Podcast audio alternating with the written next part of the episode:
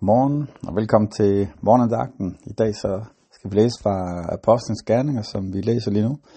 Vi skal læse fra kapitel 10 af, og det står sådan her. I Caesarea var der en mand ved navn Cornelius, som officer i en militærafdeling, der hed den italienske. Han var from og gudsfrygtig, ligesom hele hans husstand. Han gav folket mange almisser og bad bestandigt til Gud. En dag omkring ved den 9. time så han tydeligt i et syn Guds engel, der kom ind til ham og sagde, Cornelius, han stirrede på englen og spurgte forfærdet, hvad er det her? Og englen sagde til ham, dine bønder og dine almisser steg op til Gud og huskes sig ham. Send nu folk til Jobbe efter en mand, der hedder Simon, ved navnet til, men til navnet Peter. Han bor hos gaveren Simon, hvis hus ligger ved havet. Da englen, som havde talt til ham, var gået, kaldte han to af sine husfolk og en from soldat blandt dem, der til stadighed var sammen med ham. Han forklarede dem det alt sammen og sendte dem så til Jobbe. Den næste dag, da de var undervejs, nærmede så byen, gik Peter ved den 6. time op på taget for at bede. Da han blev sulten og ville have noget at spise, mens han tilberedte det, faldt han i henrykkelse, og han så himlen åben og noget komme ned, som lignede en stor du, der ved de fire hjørner blev sænket ned på jorden. I den var der alle slags af jordens firebenede dyr og krybdyr, og af himlens fugle, og en røst lød til ham. Rejste Peter, slagt og spis. Men Peter svarede ikke tale om her, for jeg har aldrig spist noget som helst vandhelligt og urent. Så lød røsten igen til ham for anden gang. Hvad Gud har erklæret dig for rent, må du ikke kalde vandhelligt. Dette skete tre gange, og straks efter blev det taget op til himlen. Og så fortsætter den, hvor der står, at mens Peter endnu var i vildred med det syn, han skulle have haft, så kom de mænd, der var sendt af Cornelius og banket på døren.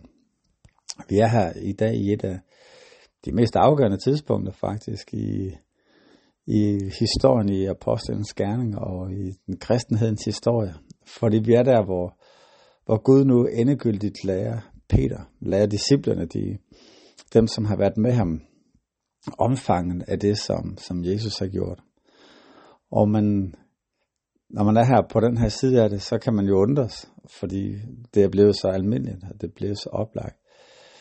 Men faktisk selv efter, at, at disciplen har oplevet Jesus opstå fra de døde, og øhm, oplevet, hvordan at han virkede igennem dem, hvordan helgen var kommet over dem, så var der stadigvæk en tanke, der begrænser dem til at give det til jøderne. Og man kan sige, enten så har Gud haft håbet om, at de vil, de vil opdage, at det var til noget, der skulle længere ud. Eller så har Gud haft den her plan fra starten af, det ved vi ikke. Men der er i hvert fald her, her lærer Gud nu Peter, hvor langt det rækker evangeliet.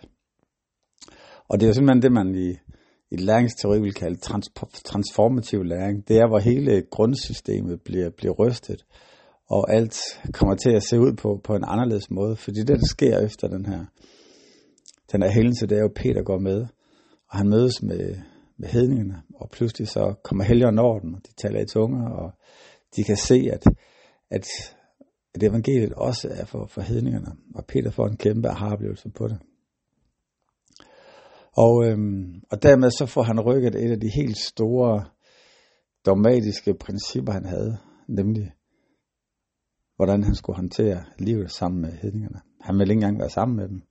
Han ville ikke engang spise noget af det, som, som de spiste. Man kan se, at han, han holder sig virkelig, kan man sige, hellig, fordi det, som, det syn, han får, hvor, hvor de her forskellige dyr kommer ned, som, som Gud siger, han skal slagte, det er jo de urene dyr i forhold til, til jødisk tankegang, og han, han holder fast i hans, i hans tro, i hans discipleskab, i hans, øh, hele, alt det, han har lært.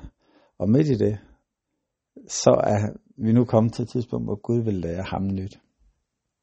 Og hvor han til sidst, i den her samlede historie, overgiver sig, forstår, hvor nådefuld det er det, som, som Gud har sat gang i. Hvor langt det rækker. Hvor meget det her evangeliet er for alle. Og her til morgen kan vi jo bruge det til at reflektere over tidspunkter måske, hvor, hvor Gud har lært os noget.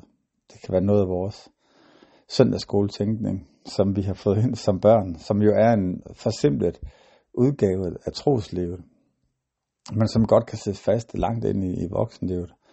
Og vi oplever, at Gud han har fået os ud af det, at han har lært os mere. Det kan også være en dogmatik, eller en tanke, en måde at gå til kristenlivet på, som også er blevet udfordret. Og vi oplever, at Gud han har lært os det. Og så giver det også den her bøn til Gud. Til Gud, hvor er det, at jeg i dag med den måde, som jeg tænker på, måske på den måde, på grund af det, at det, det jeg har lært, eller det er det, erfaringen har givet mig, hvor er det, at det i dag er en begrænsning i forhold til, til evangeliet, eller i forhold til det, som, som du har, i forhold til livet med dig, i forhold til det kald om at elske mennesker omkring os. Hvor er det, at det er en begrænsning? Og så beder vi Gud noget til, at han må kunne vise os det, og forstå det, så vi må kunne, kunne omvende os for det, så vi må kunne åbne op og forstå verden og se den med Jesu øjne. Lad os bede sammen. Jesus, jeg takker dig for den du er. Du er så langt ud over, hvad vi forstår, og have din nåde rækker verden rundt til alle mennesker. Her tilgiver os, når vi får sat en begrænsning op, når vi holder fast i tankegang og dogme, som ikke er dig tilbage. Her vil du tage fat i os og lære os din nåde på samme måde, som du her lærte Peter, hvor langt din nåde rækker. Det takker dig for i Jesu navn. Amen. Amen. Håber I får en rigtig dejlig dag.